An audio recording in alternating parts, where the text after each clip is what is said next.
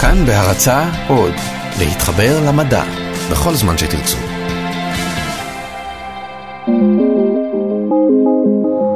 סטטוס קופ, חדשנות ברפואה, עם דוקטור מיכל חמו לוטם. השנה היא 2025. הבינה המלאכותית של גברת מתתיהו מזכירה לה שהגיע הזמן ללכת לסריקה התקופתית שלה. הבינה הזו מחזיקה את המידע על ריצוף ה-DNA של גברת מתתיהו, על המיקרוביום, חיידקי המעי והגוף שלה, על החיפושים שלה בגוגל וברשתות החברתיות, על כלל בדיקות המעבדה והצילומים שעברה אי פעם. וכמובן שהבינה המלאכותית שלה עוקבת 24/7 אחר כל הנתונים שמקורם בסנסורים בגוף שלה. לדוגמה, קצב הלב, רביון החמצן, לחץ הדם, רמת הסוכר ועוד. כיוון שלגברת יש סכרת, והיא גם סבלה בעבר מסרטן השד, הבינה המלאכותית מסייעת לה בטיפול ובאיזון השגרתי של הסכרת, וגם עוקבת אחר ממצאי הסריקה הכלל גופית שלה, לראות שהמחלה לא התחדשה. הבינה שלה קובעת לה תור ל-CT, ועושה אינטגרציה בין התשובות שלה לשאר הנתונים, ומודיעה לרופא האישי שלה ולרופא המומחה בהדמיה שהכל תקין. מומחה ההדמיה עובר על ממצאי הסריקה לוודא שאכן הכל תקין.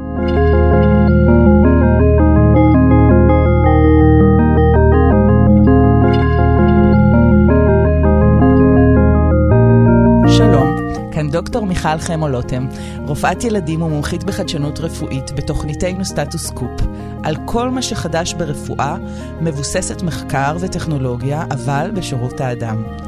החיים שלנו משתנים דרמטית בזכות המדע והטכנולוגיה, ודברים שלא ניתן לדמיין קורים ברגע זה. זה נשמע כמו מדע בדיוני, אבל זאת מציאות. והיום איתנו באולפן פרופסור אלי קונן, מנהל אגף הדימות והרפואה הגרעינית במרכז הרפואי שיבא. שלום. שלום. אז מה, תגיד, זה אפשרי ככה התרחיש הזה על הגברת מתתיהו?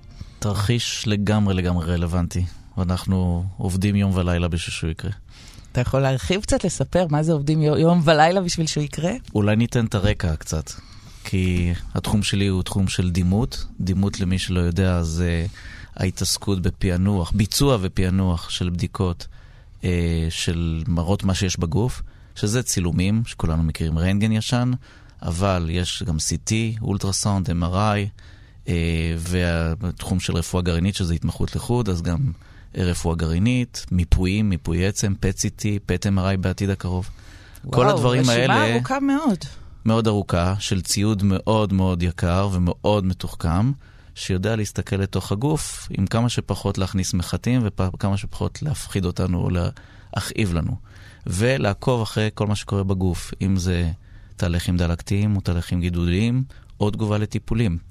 כל הדברים האלה אנחנו מנסים לעשות במינימום נזק, כמה שפחות קרינה, כמה שפחות לדקור כמובן, ולעשות את זה כמה שיותר מהיר, מדויק ואיכותי. אבל אתה סיפרת לי שלמרות שזה בעצם מקצוע שיושב דווקא מאחורי הקלעים, הרי רוב החולים המטופלים לא קובעים פגישה עם המומחה שלהם בדימות, אז זה דווקא מקצוע מאוד מבוקש.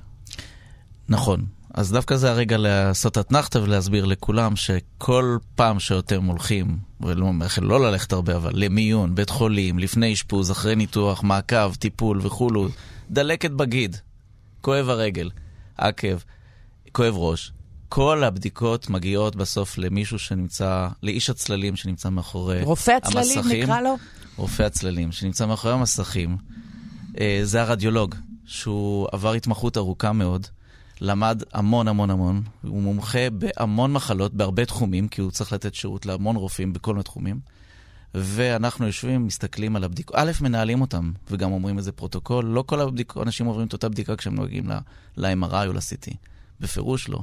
אז אנחנו מכוונים לשאלות שונות, בשיטות שונות, לממצאים שונים. ואז אנחנו גם לומדים אחר כך המון שנים איך לפענח את הבדיקות, להפיק מהם את המקסימום מידע לגבי החולה.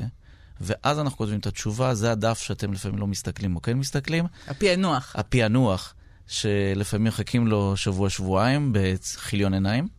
וזה כל מה שאנחנו השקענו ולמדנו יושב שם בפנים, ואז אנחנו עושים השוואה גם לבדיקה קודמת, ורואים אם הטיפול בכם הצליח, הניתוח הצליח, או אם צריך ניתוח בעתיד, כימו חס וחלילה, כימותרפיה וכאלה. אנחנו רואים את כל הסיבוכים ואת כל הדברים דרך האמצעים שיש לנו. הבעיה שלנו, ובואו נתקדם ל, ל, לסיפור היפה שהתחלתי איתו, זה שהמכשור כל הזמן מתפתח, ואנחנו מוצפים בדאטה, מוצפים בעשרות אלפי תמונות לפעמים לאותו חולה. צריכים להשוות את זה לתמונות קודמות של החולה גם, והוא עשה המון בדיקות בעבר. ככל שהאוכלוסייה מזדקנת וחיה יותר שנים, היא יותר כרונית, המחלות יותר כרוניות, אז יש לנו יותר מה להשוות כל הזמן, ואנשים סוחבים יותר מחלות. אז הידיים שלנו עמוסות, העתיד שלנו הוא נפלא מבחינת תעסוקה. מצד שני, אנחנו קורסים. כבר היום יש מחסור עצום ברדיולוגים בארץ והרבה מקומות בעולם, ואנשים מחכים לתורים לכן, לפענוח, אם לא לבדיקה אז לפענוח. ויוצר מצב שגם אנחנו קורסים מבחינת העומס הוויזואלי, או כמה שהמוח שלנו מסוגל. CT לפני 15 שנה היו לו שתי פרוסות. הוא היה סורק בשנייה שתי בוא, פרוסות. בוא רגע נעשה תנתקה. מה זה CT שתי פרוסות? אגמור. עכשיו... רק תסביר מה זה פרוסות של ה-CT. אוקיי, אוקיי. זו טכנולוגיה שב... בוא נגיד, נעשה את זה בציוריות. בסיבוב אחד סביב גוף החולה היית, היית מקבל שתי פרוסות של סנטימטר נגיד. אז אם אתה צריך לעשות גוף, אתה צריך, לח... והוא נמשך מטר, אז תעשה חשבון של 50 סנטימטר, 50 שניות צריך לעבור, לסרוק את החולה. היום הסיטים עושים מה שנקרא 640 פרוסות, 340 פרוסות, 320 פרוסות. זה אומר שה-CT עובד הרבה יותר מהר, הוא תוך 3-4 שניות עובר את כל הגוף. ואפשר אה, לה, להפיק המון המון תמונות שהן מידע למעשה. זה מידע שאחר כך מופיע כצילומים במסך. או כשאתם דאטה. מקבלים, או כשאנשים מקבלים דיסק הביתה, הם יכולים להסתכל, יש מלא, כל שורה שם זה, זה תמונה. ואז רואים שפעם היו 100 תמונות, והיום יש 2,000 תמונות. עם 2,000 תמונות, להשוות ל-2,000 הקודמות, להשוות ל-2,000 הקודמות, וזו הבדיקה ה-50 שלי הבוקר, כרופא, תעשו חשבון שאני צריך לראות לפעמים עשרות עד מאות אלפי תמונות ביום, ולהשוות ביניהם. ובכל תמונה יש מלא מלא ממצאים. יש ממצאים נורמליים, ולפעמים אחת הנקודות, מכל הנקודות הנורמלית, היא הסרטן. זה מאוד מאוד מאוד קשה להמשיך ולהצליח בזה, ויש גם מחקרים מבוססים רבים שמראים שיש אחוז טעות מאוד מאוד גדול בין הרדיולוגים, שהוא מפחיד לשמוע. אתה יכול להגיד את המספר, או שאתה... אה, ב- בממצאים משמעותיים, כי יש. הרבה ממצאים שלא חשוב שלא ראינו. אם לא ראינו איזה ציסטה בכליה, זה לא נורא. אבל, כי זה לא ממאיר ולא כלום, לא מתאים מזה. אבל אם היה איזה גוש שחזר, או בלוטה שהיא מסוכנת, או שמלמדת על חזרה של סרטן, אז uh, את זה אנחנו יכולים לפספס בחמישה אחוז. יש מאמרים שלושה, חמישה, יש כאלה עשרה אחוז. וגם אותו רדיולוג ביום אחר, איך שהוא קם בבוקר, או אם הוא עייף או לא עייף, אה, יכול לתת תשובה שונה קצת לאותה בדיקה, וזה ממש מחקרים שהראו את זה. אם כך, מוח אדם מוגבל, והטכנולוגיה רק מעמיסה עליו יותר, ומוח הרדיולוג צריך להתמודד עם יותר, אה, גם להשוות לפעמים בין האולטרסאונד, ה-MRI וה-CT, זה גם בראש צריך לעשות את כל הדברים האלה. ולפעמים גם לחבר את זה לנתונים של הגידול. ולכן ולנת... אנחנו מגיעים למסקנה שאנחנו לא נוכל להמשיך ככה. אנחנו צריכים משהו חדש. אנחנו צריכים איזה רובוט או משהו חכם שישב לידינו ויעשה לנו הכפלה של הכוחות שלנו והיכולות יעזור שלנו. יעזור לכם בעצם. נכון. זה עוזרת בית, יש עוזרת רדיולוג. כן, אז כבר בראש של כמה אנשים עכשיו שמאזינים לנו, יגידו, אוקיי, אז האיש מחסל את מקצועו עוד מעט, או כמו שאמר לי בוסי לשעבר, מנהלי לשעבר, השתגעת, אתה הולך לפתח דברים שיפטרו אותנו בעקבותם. בעקבות הפיתוח. הרובוטים יחליפו את הרדיולוגים. אז זו השאלה הגדולה, התשובה שלנו היא די ברורה, שכנראה, שוודאי שלא, יש המון המון ידע אנושי והמון המון תכונות אנוש שקשה להעביר היום בטכנולוגיה הקיימת שנראית לעין לרובוט. אבל בוא נשאר בבינה המלאכותית כעוזרת לכם. אבל אנחנו חושבים שאנחנו רוצים אותו כבר היום לעזור לנו, ואנחנו עובדים קיימת, על זה. אבל היא כבר קיימת, לא? אני ראיתי, אתה הראת לי אה, שיש לך עזרה כזאת. אה, אה, יש להבדיל בין מה שאני מראה לך שאנחנו מפתחים במעבדה, לבין מה שעבר אישור של FDA, זה הרשות האמריקאית שמרשה להשתמש במוצרים רפואיים או בתרופות. ל... יש עוד מרחק, ויש בין האינטרפרניריות, או כל מיני אה, אנשים צעירים שיושבים לנו בשיבא, או חברות סטארט-אפ שממציאות לנו דברים יפים, ואני נות... מאוד מאוד מאוד אוהב אותם, ומקבלים קר נרחב אה, לפתח ולהשתמש ולהתפתח, לבין אה, להתחיל להשתמש בזה בחולה היום בערב במיון. אז בוא נדבר... יש עוד מרחק, אבל הוא לא גדול. הוא לא גדול. לא. אז רגע, בוא, בוא תיקח אותי רגע למה כבר יש, ולמה אתה חושב שהולך להיות בשנים הקרובות. אבל בוא נתחיל ממה יש עכשיו, שעוזר לך. עכשיו יש דברים די פרימיטיביים. יש uh, תוכנות שאם אני מעלה CT אחד, אז אוטומטית המחשב מעלה לי את ה-CT הקודם, וגם יודע להעמיד את החתכים באותו מקום. אבל הוא טיפש, הוא לא יודע להגיד לי, שים לב שאז אתה אמרת שיש פה גוש, ועכשיו הגוש קטן, או גדול יותר. זה, יש תוכנות שנמכרות היום, אנחנו לא אוהבים אותן, הן לא כל כך טובות עוד. יש אבל פיתוחים יש- ישראלים יפים גם, לא? יש מרכזי פיתוח, יש גם סטארט-אפים ישראלים רבים בכל מיני תחומים. יש סטארט-אפים שבכלל הלכו צעד קדימה, והם מתחילים עכשיו להגיד, אוקיי, אה, אתה אפילו לא ידעת שיש גידול, אני מוציא לך חולה פעם ראשונה, אני לא משווה עכשיו. אני אומר לך, אני מפענח לך, עוזר לך לפענח. אה, אבל אלה עוד לא נמצאים בשימוש קליני, אבל יש המון המון המון חברות, אה, חברה כמו רדלוג'יקס, איידוק, זברה, זה שמות של חברות וחבר'ה איכותיים ישראלים, גאווה ישראלית כחול לבן, ואנחנו ממש אה, נהנים לעבוד איתם. יש המון עבודה גם באקדמיה, רגע, שהיא אבל לא... החברות האלה, בוא, בוא נשאר פה, הם בעצם כרגע עוד בשלב הפיתוח, אתה אומר, כן, הם לא קיבלו את סטארט-אפ. האישור של ה-FDA, הם עוד לא נמצאים בשימוש אה, אה, הם כולם בתהליכים. בתהליכים. אבל בוא נניח, ניקח אה, fast forward ככה ל-2019, 2018, 2020, מה, מה אתה צופה שיקרה אז? יכול להיות שאחת מהן תתחיל לקבל אה, אישור להשתמש או להטמיע אה, מרכיבים מסוימים אה, לתוך התוכנות ולעזור לנו לעבוד, ל-workflow אז איך שלנו, העבודה שלך תיראה? תן לי דוגמה, או של הרופאים שלך. אני אתן לכם ציוריות, משהו ציורי יותר, אוקיי? מיון עמוס במדינת ישראל, כולם אה, לא, לצערנו, בסוף מכירים את זה, אם זה הדודה, אם זה האבא או מישהו, סוחבים ומגיעים עם אה, תאונת דרכים עם רגל שבורה, ומחכים המון זמן. מחכים לביצוע צילום, מחכים לביצוע CT. יש גם תעדוף בתוך הבית חולים של מישהו שחבלה בראש, אז הוא יקבל עדיפות על מישהו שבא עם רגל שבורה, רגל שבורה לא ימות, חבלה בראש אולי כן. עכשיו, הרדיולוג מוצף, יש לו רשימות עבודה של... אה, עשו של- 20 סיטים בשעה האחרונה. הוא צריך לקרוא אותם. עכשיו, איך הוא ידע מה לקרוא קודם? אם בא רופא במיון ואומר לו, תשמע, חולה זה לא נראה לי טוב, אז הוא יקפוץ ברשימה, והוא ילך לחולה שזה עשה, זה אתה, למרות ש-19 לפניו עשו, אבל הוא עוד לא קרא את ה... הוא לא פענח והוא לא יודע מה יש בהם. והחולה הזה שמפריע לרופא יכול להיות מסוכן ובאמת הצלנו אותו, ברוב זה קורה. אבל יכול להיות שאחד האנשים בשורה, במספר 17, 15, באמצע, לכאורה לא מדאיגים. הוא לא מדאיג, אבל הוא יושב בשקט, יש לו דימום במוח, והוא שותק, הוא שוכב בשקט ולאט לאט מנמנם לו ומאבד את הכרתו בשקט, ואף אחד לא שם לב. ואנחנו לא רוצים שזה יקרה. אנחנו רוצים שהמחשב למשל יזהה שיש לו דימום במוח, לפני שהרדיולוג יגיע לתמונות. זה רק יצא מה-CT, החולה עוד לא יוצא מהמכונה של ה-CT. אלרט. הרדיולוג, התמונות הולכות לענן, בענן יש תוכנה שיודעת לזהות את הדימום במוח, ואם מדליקה מנורה אדומה לרדיולוג, היא מחזירה מהר מהענן לתוך המערכת של הרדיולוג. למערכת, לרדיולוג יש רשימת עבודה עם שמות של אנשים. והוא עובד פיפו, הוא עובד first in, first out. זה הרשימה. עוד פעם, פיפו? פיפו זה first in, first out, מי שמכיר בכל מיני תעשייה או זה... אוקיי? אז אה, הוא אה, למעשה עובד לפי הסדר. מי שבא ראשון, הוא נותן לו שירות ראשון. אבל זה שירות דמי, זה שירות טמ- טמבלי. וככה כולנו עובדים היום, לפי רשימות עבודה. כרונולוגיות למעשה. ופה אתה מכניס חוכמה, אתה מכניס בינה, בינה מלאכותית, שהיא מתחילה להתערב בעבודה שלך ואומרת לך, רגע, רגע, אבל חולה שבע, תקפוץ אליו כרגע, יש מנורה אדומה לידו, או נקודה אדומה במסך, הוא יש לו ממצא שאני, התוכנה חושבת שהוא מסוכן. בוא תפתח את הבדיקה הזאת ותפענח אותה קודם. בוא נציל אותו קודם. זה משהו שיקרה עד שנת 2020, זה דברים כאלה. נפלא. יותר מזה, רואה תוכנות שיתחילו לכתוב את התשובות, אנחנו רוצים שיעזרו לנו. שיכתבו את התשובות, ואתם תעשו עליהם בקרה והבטחת איכות. דרך נכון. אגב, אתה גם רואה בדמיונך תהליך עבודה כזה, שאנחנו לא רק רואים את זה פיפו, first in, first out, ואלרט לרדיולוג, אלא גם רץ אלרט לרופא בחדר המיון, שים חד לב, משמעית. החולה במיטה שבע שוכב בשקט, יכול חד ללכת... משמעית. אבל, אבל זה צריך דו, אה, תוכנה עם בגרות. תשמעי, כל פיתוח יהיה לו false positive, מה שנקרא. זה אומר, אז בוא תסביר רגע מה זה false positive. false positive זה בכל אה, מחקר או סריה או, או בדיקה.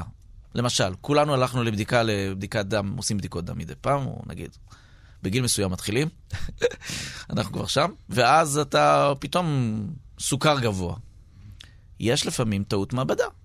false positive זה, בואו נקרא לזה טעות מעבדה. אז גם המחשב בטוח יטעה. דרך אגב, גם אנחנו טועים. אמרנו, שלושה. עד חמישה אחוז. אבל פה המחשב טעה, והוא חושד באיזה נקודה שהיא סתם סיד. אני אדע כרדיולוג, כי זה הניסיון שלי. סיד זה. סידן? סיד זה סידן, כן. יש לנו נקודות עם סיד במוח, והן בדרך כלל לא מפריעות ולא, מפ... ולא מפחידות ולא זה, אבל זה יכול למחשב לבלבל ולחשוב שזה דם טרי. אז כזה דבר יכול להפיל מחשב.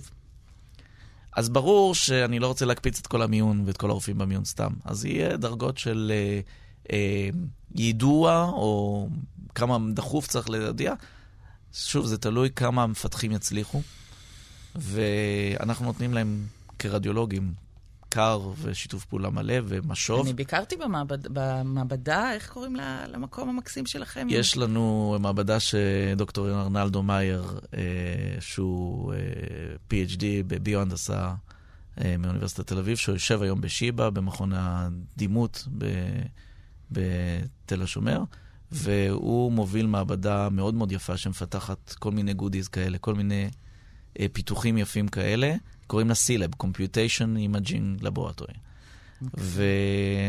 והיא דוגמה לשיתוף פעולה עם תעשייה, הרבה מאוד עם אקדמיה. זה גם נושא שלא אמרנו מקודם, אבל חוץ מהחברות הסטארט-אפ וזה, יש המון המון עבודה אקדמית. יש לנו שיתופי פעולה יפים עם אוניברסיטת תל אביב, אה, פרופסור חיית גרינשפן, שמנהלת יחידה שלמה באוניברסיטה. תגיד מה כל אחד מביא, מה מביא הבית חולים, מה מביאים הסטארט-אפים ומה מביא האקדמיה. כי יש פה איזה... כל אחד והחוזקות אה, שלו. בצורה מסוימת האקדמיה אה, והסטארט-אפים מביאים משהו דומה, הם מביאים את הקופסה השחורה בשבילנו. מה זה הקופסה השחורה? אני רדיולוג, אני יודע איך נראות המחלות, אני למדתי איך להפעיל את המכשירים ואיך לקרוא את התשובות, ולתת תשובה לחולה ולתקשר עם הרופא. אז אני רופא, הרדיולוג, אבל אני לא מומחה בלתכנת ולא מומחה בלהמציא תוכנות. אה, אני יכול להבין איך הן עובדות, וזה מאוד חשוב בשביל לעבוד עם איש הנדסה. אז למעשה מעבדת המחקר במכון הדימות בתל השומר, היא מלאה מהנדסים, היא לא מלאה רופאים, היא לא מלאה רדיולוגים. הם רק יושבים איתנו ורואים מה אנחנו רוצים, והם מבינים, ולהם יש קופסאות כלים. אז אתה מביא את הצרכים, והם מביאים את הפיתוח כן, ה... כן, הכלים שהיום כולם מדברים עליהם זה ביג דאטה או נוירל נטוורק, רשתות נוירונים, מה שנקרא, ו-artificial intelligent או אינטליגנציה מלאכותית. בעברית, וכל זה מתערבב יחד לפיתוחים שאתה נותן לתוכנה 100 אה, חולים עם מחלה X ו-100 בריאים, נותן להם צילומי חזה נגיד, סתם, דוגמה. ואחר כך אה, הוקוס פוקוס, הקופסת כלים הזאת, והוא עושה את מה שהוא עושה שם בפנים, האינג'יניר. הוא מוציא לי מוצר שאני אשים לו את החולה ה-201, שבו יש בו מחלה, והמחשב יגיד לי, הוא בריא או שיש לו את המחלה? הוא ידע. בעצם הזנת אותו בצילומים, בדאטה. לימדתי אותו. ובדיוק, ולימדנו אותו. אז... במרכאות. אוקיי, אז וכמה... כמה או שלא זה... במרכאות. ממש, ממש זה ללמד. כן, אנחנו... יש לו תהליך למידה. וכמה זה אה, בר שכפול? זאת אומרת, כל, כל אה, פיתוח צריך ללמד מחדש, או יכול להיות כזה מין כמו ווטסון של IBM, שהוא יהיה הם כל הלומדים? אז אה, ווטסון של IBM, אה, אם את רוצה תסביר את אחר כך, אבל זה, הוא שחקן שמאוד מאוד אה, תולים בו תקוות, אבל זה, הוא לא תכלית הכל. אה, נכון, אתה אמרת נכון, כנראה שלכל פתולוגיה נצטרך ללמד אותו, ואחר כך להבדיל בין הפתולוגיות. תראי, אם זה היה כל כך קל, אז היה לנו מכשיר כזה כזה היום כבר, ואפשר היה לפטר את הרדיולוגים באמת. זה לא שמה, וגוף האדם מורכב מהמון המון המון דברים, מרכיבים שמשנים את התמונה כל הזמן. אפילו אותו אותך, אם אני אצלם יום היום ומחר, זה שונה. אם אכלת סטייק, הבטן נראית אחרת. באמת? ואם, כן.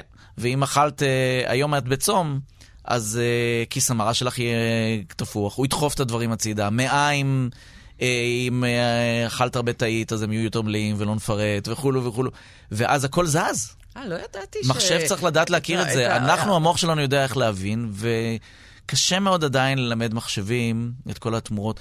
ואתה, אם אתה קיבלת תרופה, אז היא משפיעה בלפעמים פה ושם, בתמונות מסוימות. והמחשב לא ידע את כל זה, אני יודע, כי אני קיבלתי, ואני גם יכול ליפול אם הרופא לא נותן לי את המידע, הרופא מפנה. אז יש המון המון המון מרכיבים, יש את הגיל, יש את המין. זאת אומרת, אמ, אבי העורקים שלנו בבטן, אם זה מישהו בן 70, ואני רואה שיש בו קצת הסתיידויות, זה נורמלי שיהיה לנו קצת טרשת.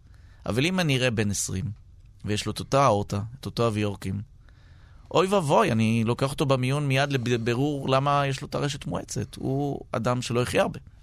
אבל בגיל 70 מותר. וככה כל חלקי הגוף נראים שונים. אה, לפי הגיל. אצלנו במוח יש ארכיון של הם, איך, איך הגוף נראה בכל גיל, בכל בדיקה. ובכל בדיקה יש הרבה טכנולוגיות, וזה משתנה... אני יודעת שאני כל פעם שאני פוגשת אצל אותך... ילדים זה בכלל, זה זז משנה לשנה, או אלי, מחודש פרופסור לחודש. קונן, כל פעם שאני פוגשת אותך אני מתרגשת מהפאשן, מההתלהבות שלך, מהמקצוע. וזה לא טריוויאלי, תשמע, א', זו אחריות נורא כבדה. אמרת שאתם uh, רופאי הצללים, אז אני כן אגיד, בסוף כולם יושבים ומחכים לתשובות, לדעת, יש... או אין גידול בדרך כלל. אז אתם מחזיקים ביד באמת אה, אה, המון אחריות, מעט מאוד קרדיט, כי לא מכירים אתכם, אתם שמה בשקט, עם המון המון תמונות והמון המון דאטה שהמוח בכלל, בכלל מציף את המוח. למה, מה, מה אתה, מה, תספר איזה סיפור שימחיש לנו למה אתה כל כך אוהב את המקצוע הזה. אה, זה סיפור נורא אישי למעשה. אני אה, חובב צילום. צילום צילום? כן, מילדות, מצעירות. ואהבתי נורא את הצלולויד, ולהתעסק בחדר חושך. ואחר כך בלימודים שלי נורא אהבתי אנטומיה. מה אפשר לחבר יותר מזה? שתצלם בן אדם ותראה אנטומיה ותראה גם את הפתולוגיה בפנים. זה רדיולוג.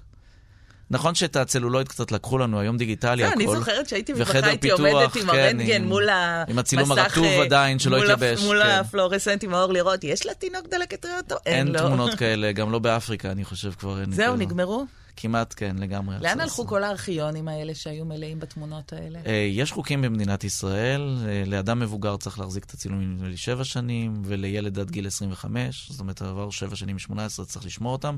שמרנו אותם, אנחנו בשיבא, אבל כבר paperless. paperless זה אומר שאתה בלי paper, בלי צילומים, אלא דיגיטלי, מ-1998, אז כבר הכל דיגיטלי. כל מי שהיה בשיבא מ-98, כל הצילומים שלו בארכייב דיגיטלי, והם זמינים בלחיצת כפתור.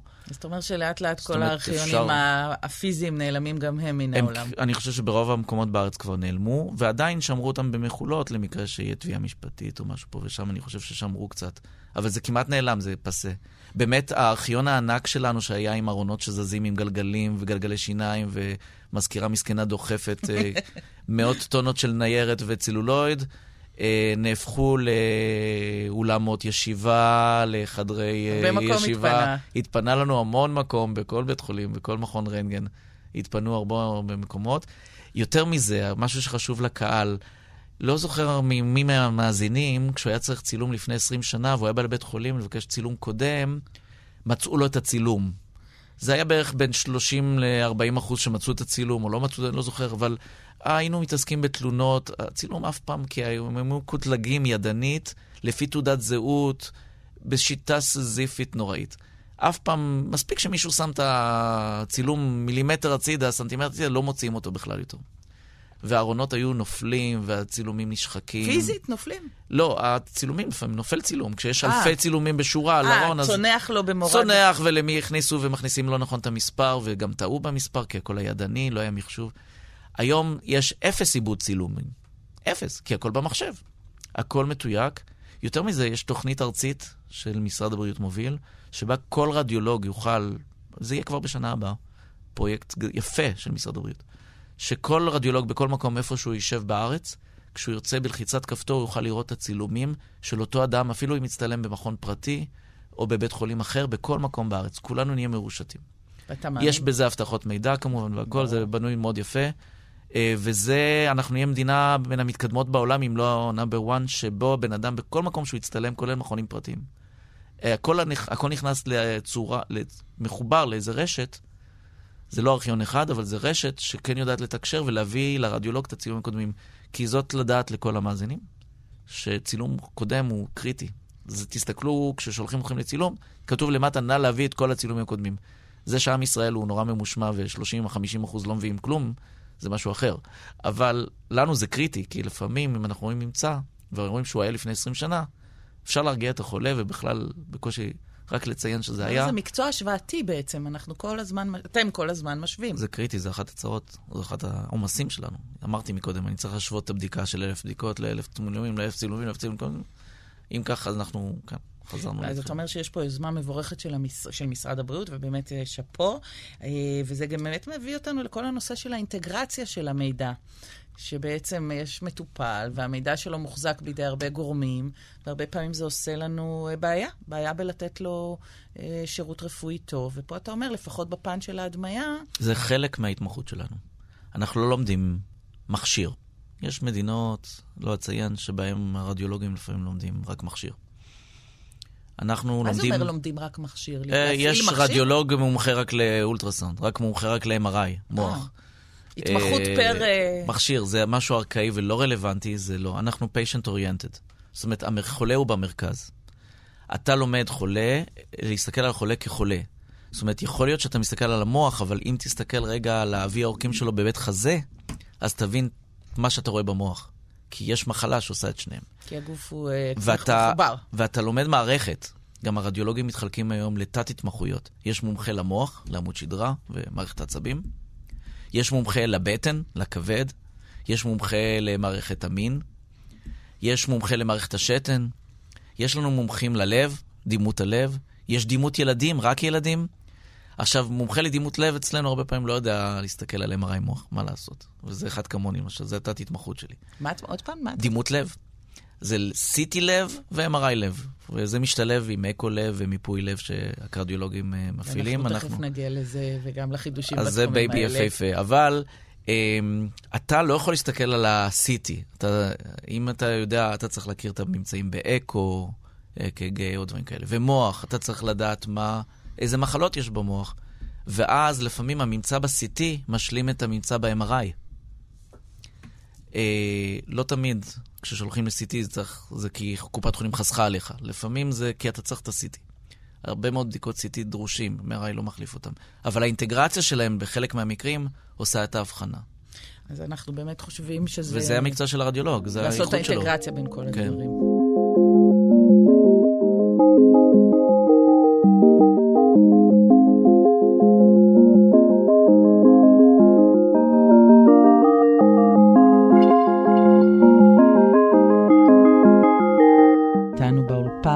פרופסור אלי קונן, מנהל אגף הדימות והרפואה הגרעינית אה, במרכז הרפואי שיבא. דיברנו קצת על המולטי-דיסציפלינריות של המקצוע, וככה הזכרת שאתה התמחית ספציפית בלב. אז בוא, מה זה דימות לב? איזה, קח אותנו לעולם הזה. אוקיי, אז כמו שאני אמרתי מקודם, אה, אי אפשר לדעת הכל בהכל. אתה לא יכול לדעת כל המחלות בכל הגוף ולהיות מומחה בכל המודליטיות, כל המכשירים שמדהימים את זה, CT, MRI והכל. לכן העולם שלנו, כמו בהרבה תחומים ברפואה, עובר ספציפיקציה והתמחות ותת-התמחות לנושאים מאוד מאוד ספציפיים, אבל שם אתה באמת יכול להגיע לאיכויות מאוד גבוהות של ידע אה, והתמקצעות. אה, אז גם בדימות יש מקצועות, תת, תת יחידות, כמו דימות המוח ודימות אה, של בית חזה, דימות ילדים, דימות הבטן, ו... או דימות מערכת השלד למשל, זו תת-התמחות גדולה בפני עצמה. ואחד התחומים כשאתה אומר החדשים... תת-התמחות, זה אומר עשית את ההתמחות, כמה שנים ההתמחות שלכם? אוקיי, בוא נתחיל. תיכון 12, אחר כך בית ספר לרפואה 7, באמצע יש צבא לכולנו פה ושם. ואחר בוא נתחיל כך... לספור מהבית ספר, מהשבע. אה, אוקיי, השבע, ואחר כך התמחות חמש שנים בדימות. בדימות? דימות והדמיה זה אותו דבר, נכון? כן, הדמיה זה המילה הלא נכונה, דימות, האקדמיה ללשון תקע לנו את בחרו. הדימות בזה, אז אנחנו אומרים דימות, זה כבר משתרש לא רע. דימות זה הרנטגן של פעם, כשאני, שואלים אותי איפה הדימות, או מה זה הדימות, אני אומר, רנטגן, אתה יודע מה זה מחלקת רנטגן, אז זה עכשיו הדימות. אז אנחנו חמש, שבע שנים רפואה וסטאז', חמש שנים התמחות בדימות, ואז... ואחרי זה, בהרבה מאוד מחלקות היום אנחנו דוחפים, בטח את המתמחים שלי, אני כמעט מכריח, לנסוע ללמוד fellowship. fellowship זה התמחות על. על, או, או קוראים לזה השתלמות עמיתים בעברית, אבל זה, באנגלית זה פלושיפ. זה אתה נוסע לאיזה מחלקה במרכז שהוא מאוד מאוד מתמחה בנושא מסוים, שיש בו המון חולים כל יום בסוג הזה של המחלות, ואתה לומד, לומד, לומד ומשתפשף. אתה חוזר, אתה חוזר עם ראש מנופח, הרבה ידע. אבל לפעמים אתה מביא טכנולוגיה חדשה, וככה אנחנו מקדמים את המקום. ככה אתה שומר על ה... להיות שפיץ. אה, ואז אה, אני עשיתי את זה לפני 15 שנה בתחום של אה, דימות הלב. בלב מדמים אותו כבר המון שנים באקו, מיפוי, אה, זה לא חדש, ושתי הטכנולוגיות שנכנסו ב-15 שנה האחרונות להדגים את הלב, ויש להם עתיד גדול מאוד בהדגמת מחלות בלב ועזרה לטיפול בחולים שיש להם בעיות בלב, זה CT לב ו-MRI לב. אולי בסדר הפוך, אני עשיתי פלושיפ ב-MRI לב. איפה היית ולא היה אז עד סיטי לב. אה, לא היה סיטי? בטורונטו, בטורונטו ג'נרל בקנדה. ולא היה סיטי לב, הייתי אחר כך הפלו הראשון בקרדיאק MRI, ואחר כך סיטי עוד לא היה. סיטי עוד לא, לא נכנס לשירות ב-2002. אז בכל בדיקה למה היא עוזרת? כי הרי ברור שיש... אוקיי, כמו שאמרתי מקודם, הן משלימות, ולא צריך לשלוח את כולם לשתי הבדיקות, ולא, ולא תמיד MRI מראה מה שסיטי מראה, והרבה פעמים סיטי. אז אני אתן איזה... אבל אתה יכול רגע לפני זה להגיד ככה על קצה המזלג למאזינים שלנו, מה ההבדל בין סיטי ל-MRI? אוקיי, אה, תראה, שתי המודליטיז, או שתי הטכנולוגיות האלה, מראות בסוף תוצאה של גוף האדם. בחתכים שונים. כאילו שלקחנו וחתכנו אותו כמו נקניק ומסתכלים בפנים אה, בפרוסות ורואים מה יש בפנים. אה, אפשר לראות את זה כאילו, לחתוך אותו לפרוסות רוחב, אורך וכולו, ולפי האיברים שאנחנו מעוניינים לראות, אז אנחנו פורסים את הגוף ומייצרים תמונות. את התמונות האלה גם אתה יכול להדגים בכל מיני צורות, אחרי שהזרקת חומר ניגוד או לא הזרקת חומר ניגוד. חומר ניגוד עוזר לנו מאוד לראות המון תהליכים, המון דלקות. ולהפריד לנו טוב מאוד ב-CT, במיוחד בין רקמות, אבל גם בין MRI, ואז הוא משפר לנו מאוד מאוד מאוד את ההבחנה. לא, לא תמיד צריך להזריק חומר ניגוד, אבל באחוז גבוה, מעל חצי מהבדיקות כן צריך. וזה מאוד עוזר. אמ, CT מבוסס על קרינה מייננת, קרינת רנטגן. אמ, הוא הגורם לחשיפה של אוכלוסיות בעולם המערבי לקרינה מייננת הכי, הכי גדול, נאמבר 1 היום. אה, כי CT מבוצע בכמויות.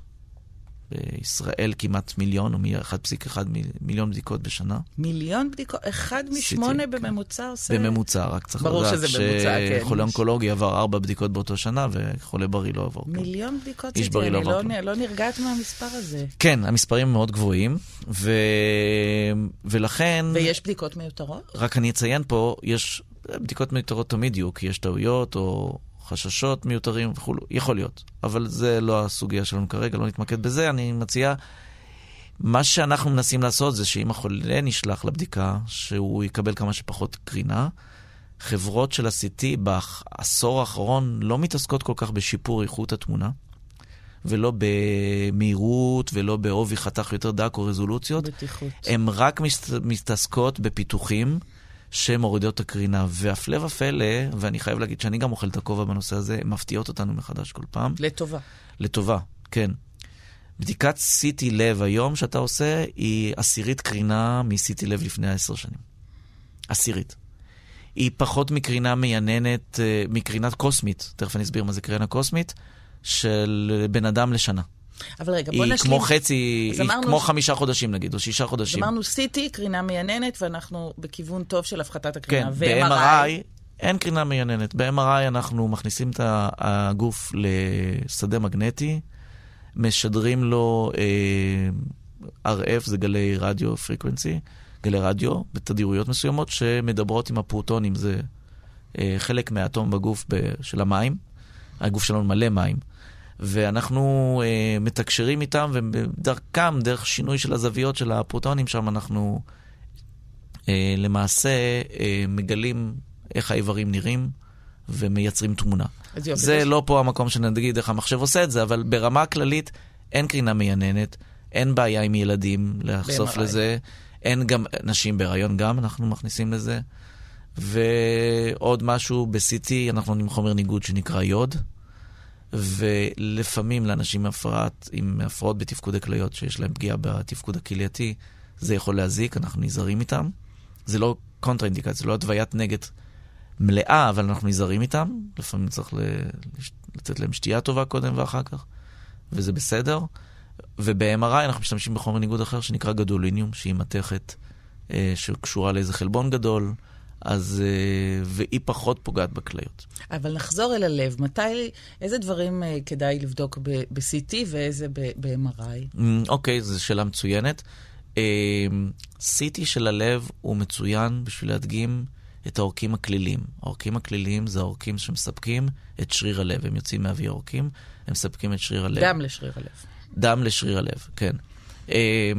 אם יש בהם מצרויות, מה שנקרא מסיבות בדרך כלל של טרשת, אז הלב סובל. בהתחלה הוא סובל כשיש פעילות מואצת, כשעושים הליכה או ריצה, פתאום מרגישים כאבים או ואז עושים מתרכזים. אקו לב במאמץ. ואז ו- אומרים שיש אנגינה וכולו, ואז עושים כל מיני בירורים. אפשר היום אקו במאמץ, אפשר מיפוי, ואפשר גם CT.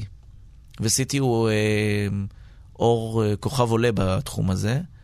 אה, אנחנו יודעים היום כבר שיש תכונה, זו מגמה חד משמעית של ירידה בביצוע בדיקות אה, מיפוי לב, ויותר ויותר CT. לטובת CT? כן. כי למה? מה היתרון שלו?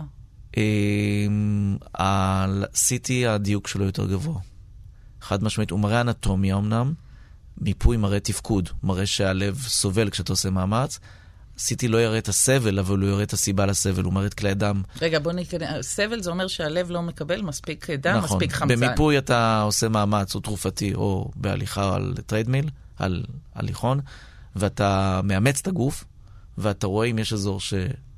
עם החומר הרדיואקטיבי שאתה מזריק, שהוא כן הרבה קרינה, מייננת יחסית, ואיתו אתה יכול לזהות איזה אזור סובל כשאתה במאמץ, וכשאתה לא במאמץ הוא לא סובל. אז אתה יודע שהאזור הזה, לפי חלוקת כלי דם, יש מפה של כלי דם ידועה, בדרך כלל קבועה, אז די קבועה, אז אתה יכול להגיד, אוקיי, הכלי הזה כנראה מוצר.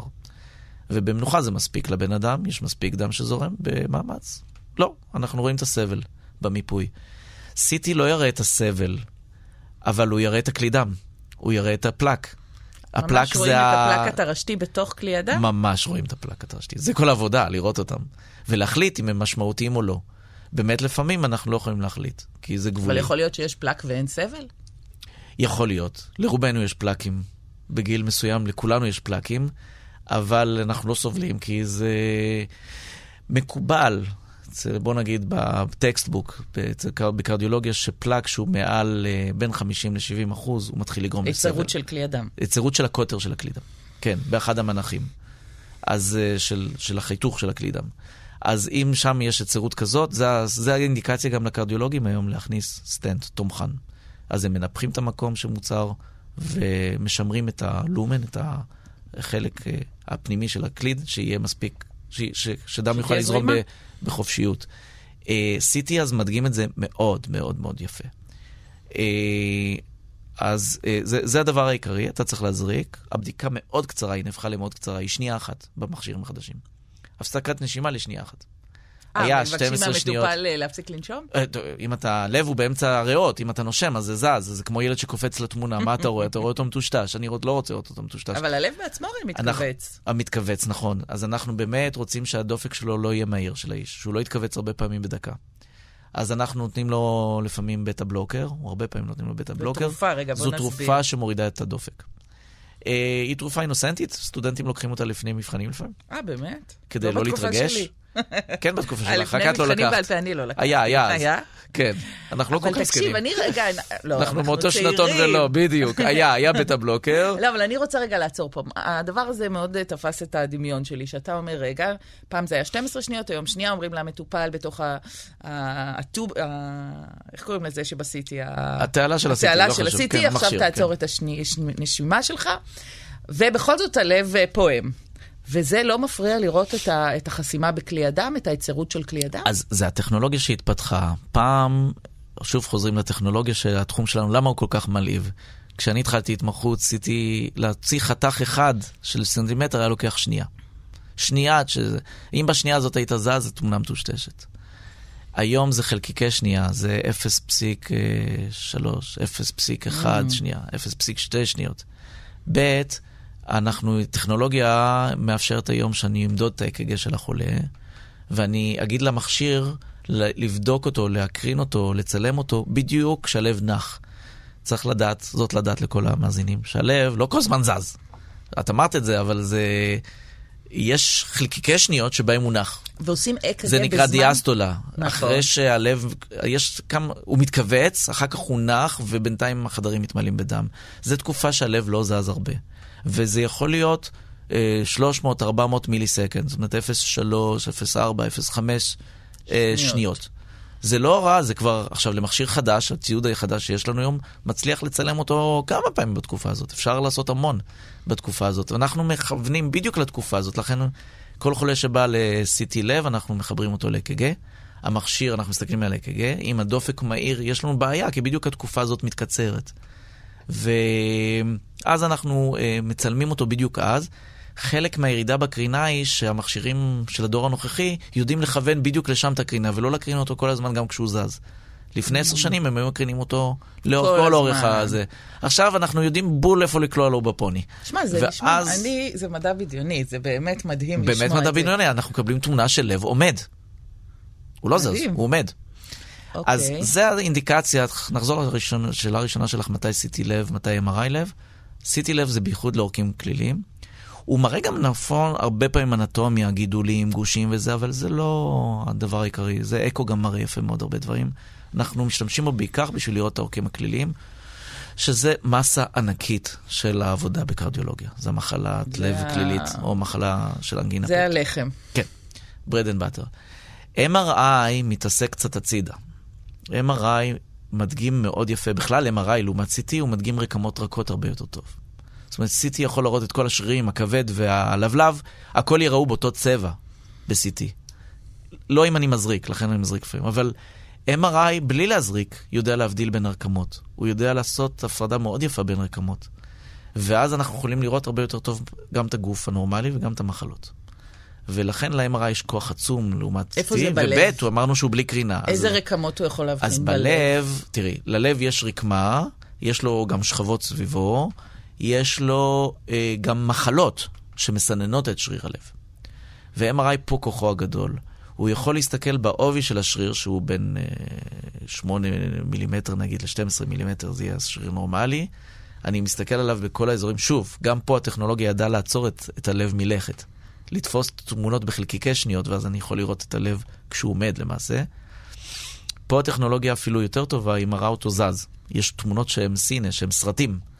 ואתה יכול לראות את הלב בכל המנחים, כמו אקו, אבל הרבה הרבה יותר יפה, ברזולוציה מצוינת. וגם להגיד שיש פה משהו בתוך השריר, בתוך השמונה מילימטר האלה יש אזור שהוא עם אוטם.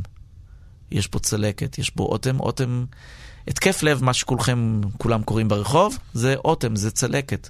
זה אזור שהדם לא הגיע אליו בתקופה מסוימת בגלל חסימה של כלי דם, ונוצרה צלקת.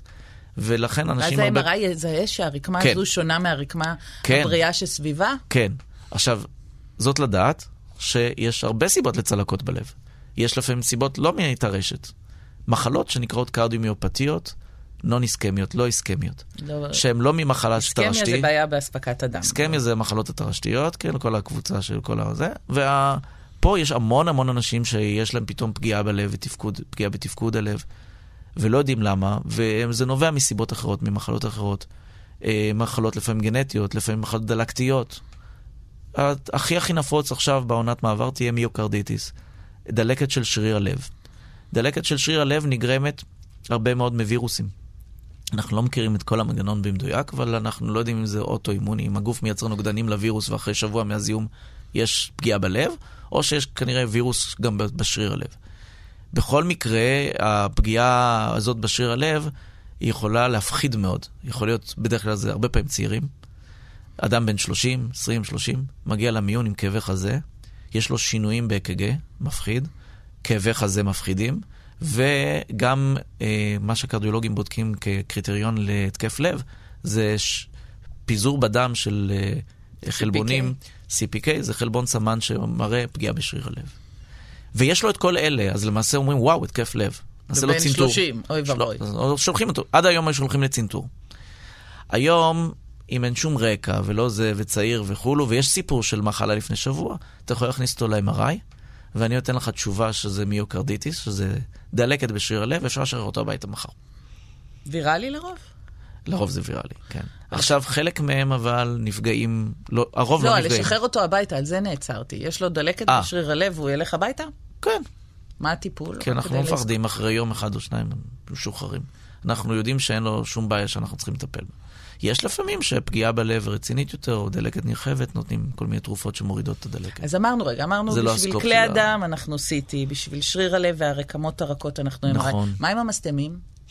Uh, במסתמים אנחנו פה לא כל כך שחקנים גדולים. לא? אקו הוא מצוין.